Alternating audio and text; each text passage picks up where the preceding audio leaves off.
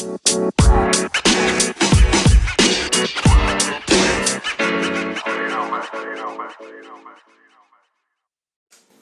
semuanya, nama gue Teresiel Selamat datang kembali di podcast yang ada aja. Kenapa yang ada aja? Karena podcast ini direkam dengan peralatan yang ada aja Dan topik yang dibahas adalah yang ada aja di kepala gue. Selamat datang kembali di episode ke 18 kalau nggak salah.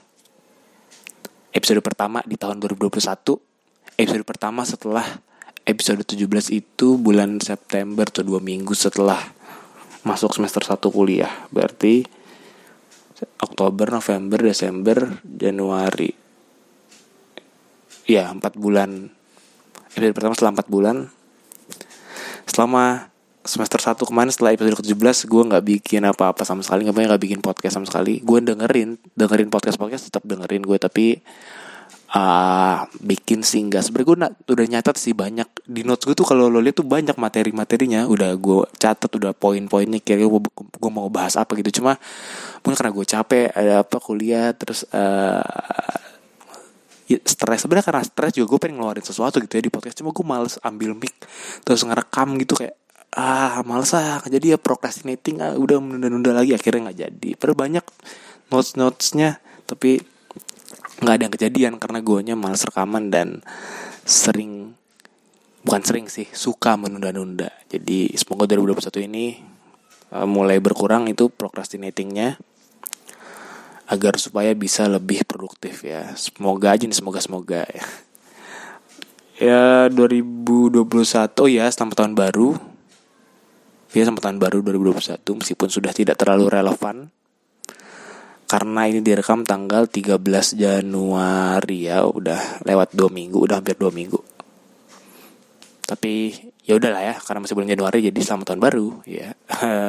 Ya pandemi belum kunjung kunjung mereda juga justru malah di Indonesia nampaknya makin meningkat ya. Jumlah orang yang positif COVID-19 itu kemarin gue lihat gue jarang gue gak merhatiin sih kayak angkanya per, per apa per tiap kali diumumin oh angkanya segini segini cuma kemarin waktu yang sepuluh ribu tuh kayak oke okay, pecah rekor sepuluh ribu orang-orang positif gitu. Ya habis gimana ya? Uh, beberapa hari yang lalu uh, ada video waterboom Lipo Cikarang bro. Tiket sembilan ribu nih di masa pandemi. Dijualnya di diskon jadi sepuluh ribu. Orang-orang dateng lah gila. sepuluh ribu siapa yang nggak mau berenang di waterboom Lipo Cikarang cuma ceban kan. Oh gue liat videonya gila nih orang-orang nih nggak tuh otak dan hati lu tuh di mana itu perasaannya? Maksud gue oke okay, gue tahu pasti uh, uh, yang dengerin ini juga kayak ah, pemerintah emang salah dari awal pemerintah uh, nanganin ini nggak serius terlalu banyak bercanda. Fine gue ngerti gue ngerti uh, pemerintah uh, memang salah gitu loh. Cuma kalau udah kayak gini kan ya udah maksudnya kita nggak kita kan ya udah yang bisa kita lakukan adalah ya membiarkan mereka pemerintah berusaha menyelesaikan uh, menyelesaikan pandemi ini gitu kan. Tapi kita kan juga harus punya kesadaran dalam diri sendiri dong untuk nerapin apa itu pakai masker cuci tangan uh, menjaga jarak jauhi kerumunan ya kan. Terus kayak kolam berenang bro itu ramai banget beneran. Kayak lautan manusia penuh banget. Terus gue orang-orang di masa pandemi kayak oh ya udah gue berenang aja. Padahal maksud gue berenang kan kalau misalkan lo ada yang nggak tahu ya mungkin kalau tapi uh, kalau di berenang kan mungkin lebih cepet untuk cepet juga kan air untuk uh, uh, mentransfer virusnya gitu loh. Gue nggak ngerti tapi mungkin ya. Setelah gue pikir-pikir kayaknya bisa juga air untuk uh, transfer virusnya menyebarkan virusnya gitu transfer menyebarkan virusnya uh, secara mudah gitu kan. Nggak masuk akal menurut gue kayak yang yang kayaknya gue yakin juga mereka bukan kurang edukasi pasti udah dikasih tahu juga. Cuma mereka kayak nggak peduli aja nih orang-orang ini yang kuat terbung lipo Cikarang ini kayak oh fuck that gitu. Kayak udah udah. Gue mau berenang capek gue stres di rumah mulu udah gue pengen berenang aja gitu. Udah nggak peduli. Dan sebenarnya ya karena pemerintah juga dari awal agak beca, bukan bercanda ya kurang terlalu menganggap ini serius jadi masyarakatnya juga mulai juga juga nggak percaya nih covid ada nggak sih? Apaan sih? Gitu. Nih virus biasa aja gitu tapi gue gue nggak kesel aja lihat gitu. Gue di rumah loh. Gue beneran gue beneran di rumah nggak ke mana-mana selama selama pandemi ini hampir nggak pernah ke mana-mana. Karena keluarga gue ada yang kena orang terdekat gue atau mendekat gue ada yang kena juga. Terus gue liat orang-orang di luar sana berenang di waterboom kayak ya sakit hati ya lumayan sih. Cuma gue pengen ngatain aja goblok. Gue pengen gue teriakin gitu tuh. Kalau gue depan mukanya sama goblok goblok goblok gitu. Pengen gue teriakin gitu meskipun nggak ada yang berarti nggak berani. Coba aja lo kasih nggak berani. Nggak berani lah pukulin anjir. Cuma pengen pengen buat gue ngomong kata ngomong kata goblok. Pengen gue goblok goblokin di depan mukanya gitu. Kayak ah Duh, gue mau bilang ya goblok lah pokoknya intinya ya. Jadi sebisa mungkin teman-teman udahlah. Yang benar-benar jauhi kerumunan pakai masker. Sekali lagi cuci tangan. Uh, mending gak usah pergi ke mana-mana kalau emang nggak urgent-urgent banget. Di rumah aja. Face mask gue nakes kita juga tenaga kesehatan juga udah mulai bukan mulai sih. Lalu lihat rumah sakit udah banyak yang penuh. Gue lihat di twitter juga ada berita yang uh, pasiennya nggak di nggak bisa ditanganin. Uh, karena IGD penuh atau bisa ditanganin tapi harus duduk di kursi nggak di kasur rumah sakit itu di kursi.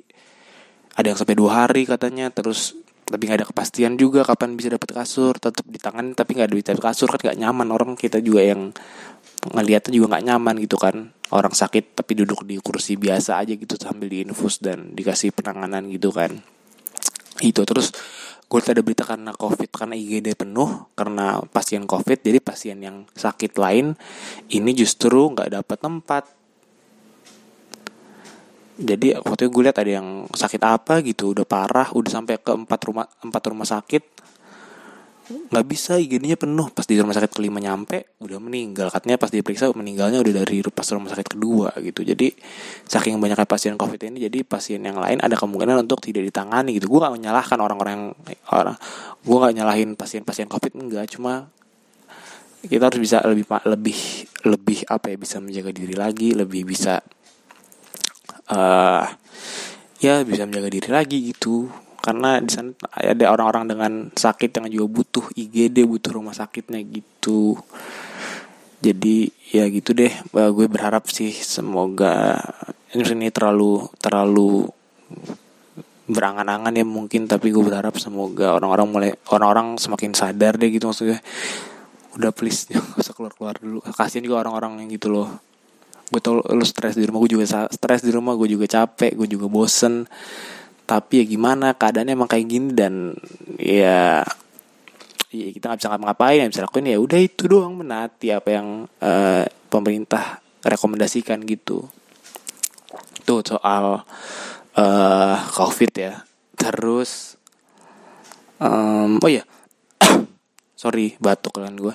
Um, tadi pagi nih tanggal 13 ini ada vaksinasi perdana dari eh, vaksinasi perdana oleh uh, presiden uh, ada jenderal kok jenderal? Panglima TNI ya? Panglima TNI ada uh, Kapolri juga terus ada influencer sama tokoh keagamaan sama menteri beberapa menteri itu divaksin juga. Tuh tadi uh, gue kocok banget waktu gue lihat yang Pak Jokowi di vaksin uh, dokternya gemeteran menyuntiknya. Pas gue lihat gemeter gue gemeter paham juga sih gue maksud gue lo nyuntikin vaksin ke orang nomor nomor satu di Indonesia kayak gue awal kayak ah, ini geter tangan dokter geter nih beneran bisa nyuntik ya nih. Bukan bukan gue yakin bisa nyuntik cuma takut salah gitu lah nadinya di mana cuma ya namanya dokter udah ahli kan ya. Terus pas ditanya katanya uh, ya saya tegang juga katakan uh, nyuntik orang nomor satu di Indonesia gitu. Ya gue paham sih pak groginya di mana. Gue sih ya, jadi dia juga bakal grogi banget. Tapi ditonton live oleh satu Indonesia atau mungkin warga-warga Indonesia di luar negeri juga kan. Divaksin gitu kayak grogi jadi geter gemeter. Terus tadi ada juga yang divaksin Raffi Ahmad yang sampai sekarang gue nggak tahu kenapa Raffi Ahmad dipilih tapi gue mengerti uh, bukan nggak tahu ya gimana ya. menurut gue uh, di satu sisi pilihannya tepat karena orang-orang tuh banyak yang lihat Raffi, Raffi Ahmad kan selalu di TV di mana-mana ada gitu kan ya di YouTube lah di TV semuanya ada. Mungkin orang-orang yang orang-orang tuh banyak yang ngelihat dia jadi sosok yang kayak oh, Raffi aja divaksin kenapa kita tidak gitu kan. Jadi mungkin dengan kayak gitu uh, apa namanya orang-orang mulai berani untuk oh enggak Raffi divaksin Raffi Ahmad divaksin gak apa-apa gitu. kita juga harusnya divaksin dong kita divaksin juga nggak apa-apa dong gitu sih. Kayaknya gue gue yakin. Raffi Ahmad tuh apa ya sampai orang-orang grassroots tuh orang-orang orang-orang yang di mana pun tuh gue siapa yang gak Raffi Ahmad gitu loh dan keluarganya ini Raffi Ahmad tuh udah kayak wah biggest star mungkin ya. Di mana mana ada gitu kan. Jadi mungkin itu pilihannya kenapa dia menjadi sosok yang divaksin. Kalau nggak salah mewakili anak muda deh kalau nggak salah. Meskipun gue nggak juga dia jadi representasi kita representasi anak muda. Tapi ya itulah yang terjadi gitu. Karena orang-orang memakai menganggap atau memakai influencer sebagai tempat informasi gitu. Kayak kalau lu dem, kayak iya kayak lu misalkan demen influencer yang uh, anti vax gitu kan pasti lu kayak wah anti vax vaksin vaksin vaksin vaksin tidak vaksin uh, hanya bisnis tidak ya vaksin tidak apa konspirasi global bla bla bla bla gitu kalau yang influencernya yang kayak Raffi Ahmad gini taat pada pemerintah mau divaksin kan orang orang-orang ngeliat dia juga kayak gitu tadi yang gue bilang gitu kan. Jadikan dia sebagai sumber um, informasi gitu. Meskipun tidak meskipun menjadikan influencer sebagai sumber tuh kayak apalagi sumber untuk penyakit ya kayak meh gitu loh kayak ah kenapa sih? Maksud gue ada ada ada banyak tuh kan ahli kayak dokter gitu. Cuma kan sayangnya orang-orang mungkin kayak ahli-ahli itu kan susah dijangkau dan jarang dilihat gitu ya sehari-hari. Tapi mungkin kalau influencer karena kita lihat di tiap hari di media sosial di mana pun di TV dan sebagainya. Jadi uh, ya lebih percaya mungkin orang-orang dengan uh, dengan influencer gitu. Itu sekian tentang covid. Asik. Ada apa lagi ya? Um,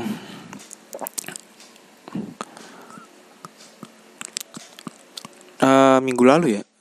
Eh eh tahun lalu kita awal-awal tuh dihiasi dengan penyerbuan. Nggak tahu penyerbuan namanya apa apa? Ke US Capitol yang sangat sangat sangat lucu. Pas gue kayak ini ada presiden. Ikut pemilu untuk dua kalinya. Kalah kan? Kalah terus dia nggak mau kalah. Enggak saya nggak kalah. Kalian yang curang kalian curang. Oke. Okay. terus langsung dia terus akhirnya dia membakar semangat para pendukungnya untuk mari kita menuju ke US Capitol bersama-sama. Kita apalah mungkin mau gagalin inilah apa gimana gitu. Kayak orang-orang nyerbu wah pendukung-pendukung Republikan kan wah datang katanya polisi juga polisi nanganin mereka dengan damai tanpa kekerasan hampir minim sekali kekerasannya nggak kayak waktu nanganin um, gerakan Black Lives Matter jadi kayak uh, maksud gue ya gimana ya tapi that's uh, itulah yang terjadi di sana. Gue juga nggak tahu kenapa ya. Tapi itulah menurut gue lucu aja kayak ada nggak mau kalah oke kita serbu aja ke gedung US Capitol. Untuk kita gagalkan lucu sih lucu.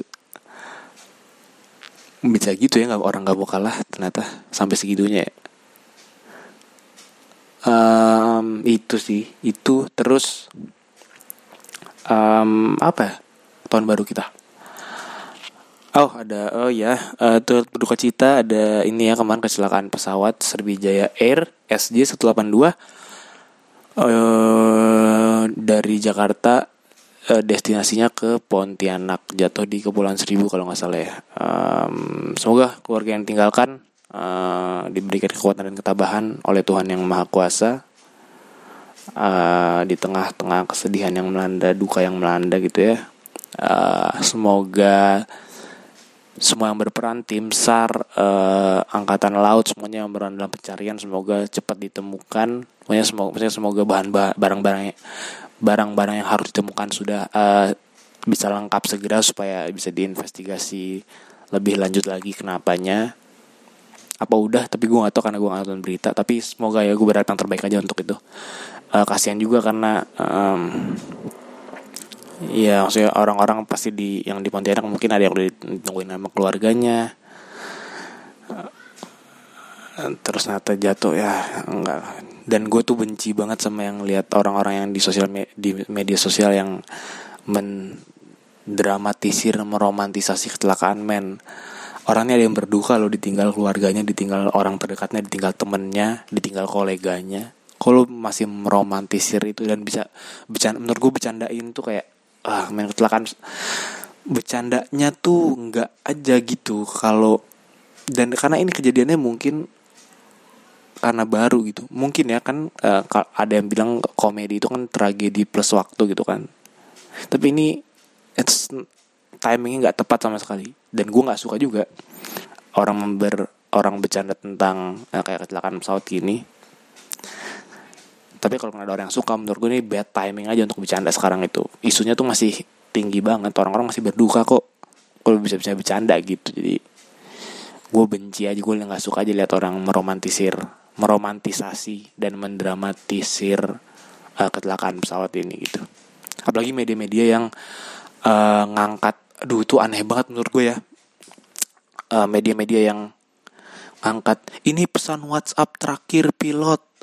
Ini profil Instagram siapa? Ini foto terakhir yang dipost oleh pramugari atau punya data-data korban di spill out spill out. Maksud gue kayak man oke okay, gue tahu deh lu kerjanya. Gue tuh nggak tahu yang kira-kira kalau kayak gini tuh yang harus dicalain apakah penulisnya apa apakah penulisnya atau apakah jurnalisnya gitu ya? Ataukah para pemimpin redaksi karena mereka yang uh, mendesak para jurnalis untuk tulis banyak mungkin berita dalam satu hari kliknya harus banyak gitu di di web mereka gitu kan di situs mereka. Gue juga gak tahu ya tapi saya tuh menurut gue kayak nggak punya nurani banget sih. Kenapa? Ini tuh orang-orang meninggal loh sekali lagi ya. Orang-orang orang ada orang meninggal orang turis sedih. Kenapa lo harus uh, ngeluarin berita yang nggak bermutu kayak gitu loh maksud gue. Kayak misalnya di spill out itu ini korban ini foto, profil Instagramnya foto terakhir yang dia post uh, kata tetangga orangnya baik. Ya nggak informasi itu nggak perlu menurut gue. Apalagi kayak yang reporter yang ngeburu-buru yang memburu um, keluarganya yang tinggalkan dia kayak ya apa yang bapak rasa ini? Sedih lah orang juga tahu kok kalau ditinggal keluarga sedih nggak usah banyak nanya. Nanya terus kayak beneran dia ini tanya-tanyain mulu tanya-tanyain mulu. Ya men kenapa nggak usah gue kasih kesempatan mereka untuk berduka loh? Mereka baru kehilangan orang yang dicintainya. Tragis loh kecelakaan pesawat. Jadi menurut gue nggak nggak aneh aja media gitu loh maksud gue. Ah aneh deh gue nggak tahu media mana lagi. Media yang mana yang uh, kemarin sih banyak sih gue lihat di berseliweran ya di media sosial entah Instagram entah Twitter. Itu banyak banget sih yang kayak gitu. Menurut gue kayak nggak nggak masuk akal nggak masuk akal. Maksud gue uh, ya gue tau jurnalis lo harus uh, menuruti kemauan mungkin pemimpin redaksi lo atau gimana tapi maksud gue lo kan pasti jurnalis pasti punya hati juga dong harusnya. Maksud gue apakah lo nggak ya ini mungkin salah karena gue nggak tau pressure jurnalis kayak gimana ya tapi gue berharapnya sih masih punya hati gitu dalam meliput berita. Jadi nggak langsung nulis-nulis aja demi tuntutan gitu loh. Meskipun ya nggak tahu dia yang makanya gue sekali gue nggak tahu yang harus disalahin. Apakah meme redaksinya ataukah jurnalisnya gitu. Atau mungkin dua juga ber, berkontribusi dalam uh, berkontribusi membuat kesalahan dalam ini dalam apa namanya kok ini dalam apa penyebaran berita tentang kecelakaan ini gitu. Jadi ya nggak tahu deh. Tapi ya udah ya tadi intinya udah bilang semoga cepet semoga proses semua prosesnya berjalan dengan baik. By the way di sini hujan saat gue rekaman nggak tahu nih kedengaran apa enggak tapi semoga tidak mengganggu. Um, gue mau apa lagi ya. Oh iya ya uh, by the way Jakarta dan Jakarta Depok eh, Jabodetabek gue gak tahu. Tapi PSBB lagi uh, mulai per 11 Januari kemarin hari Senin sampai 25 Januari karena kasus kita makin meningkat terus. Kemarin dari gue bilang kan eh, sepuluh ribu orang. Jadi di PSBB lagi lebih ketat lagi. Yang gue juga nggak tahu apa mau mau namain PSBB mau namain apa menurut gue pemerintah kayak ya udah nggak gue lihat aja di uh, sisi aplikasinya gitu gimana. Di lapangannya apakah benar benar benar tegas atau gimana beneran mau serius nggak nanganin ini gitu. Jadi nggak tahu juga tapi ya udah di psbb lagi kita lebih ya udah di rumah lagi banyak yang WFH lagi ya kan katanya. Tapi ya begitu uh, harapan gue adalah semoga pandemi ini cepat selesai. Pokoknya pokoknya gue 2021 juga gak punya harapan yang muluk-muluk banget. Tapi yang jelas pandemi selesai gue pengen ketemu orang gue pengen ketemu teman deket gue gue pengen ketemu teman-teman gue gue pengen ketemu orang-orang baru yang belum pernah gue temu sebelumnya. Uh, di jurusan gue di fakultas gue di kampus gue gue butuh kehidupan sosial itu karena setelah sekian lama gue video call dan uh, nelpon tuh nggak ada feelnya nggak bukan ada feelnya tapi tidak terlalu uh, kerasa nyata gitu loh hubungannya. Nggak ada attachment secara emosionalnya gitu asik. So pinter banget gue tapi ya udah itu intinya. Dan semoga vaksin bisa berjalan dengan dengan lancar apa pun itu mereknya Sinovac AstraZeneca uh, Pfizer. Baca gimana sih? Pfizer Pfizer ya apalah itu. Semoga uh, terbukti ampuh. Semoga semoga ya semoga pandemi cepat selesai intinya. Udah itu aja uh, jadi episode kali ini gue bakal baca, gue cuma bacain gue bakal ini kan udah mau selesai bro. Gue cuma baca bacain uh, uh, kejadian-kejadian mengejutkan gitu ya di awal 2021 terima kasih telah mendengarkan sampai habis. Um, sampai jumpa di episode selanjutnya. Yang gue nggak tahu akan gue rekam kapan dan akan gue upload kapan. Tapi yang jelas ini akan gue langsung upload. Nggak pakai gue edit jadi raw banget kan. Jadi beneran fresh from the oven. Beneran abis rekam langsung gue upload di Spotify. Jadi yaudah. Terima kasih. Bye